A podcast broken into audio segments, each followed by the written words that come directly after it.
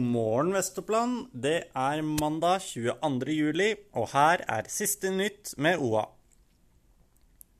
Søndag kveld var det innbrudd på dyreklinikken i Hov. Dyredyrlege Marianne Sveum sier til OA at tyvene ble nok skuffet over det de fikk med seg fra innbruddet. De har trolig vært ute etter kontanter og dyremedisiner som kan gi ruseffekt, sier Sveum.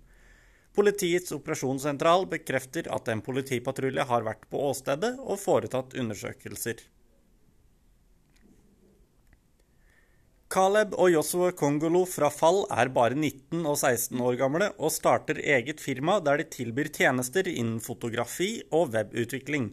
Brødrene har fått veiledning og oppstartshjelp av programmet Land Ventures, som skal støtte og hjelpe unge gründere fra idé til lansering. Foretaket er det storebror Christian Kongolo som driver. Vi kommer fra en gründerfamilie, sier Caleb.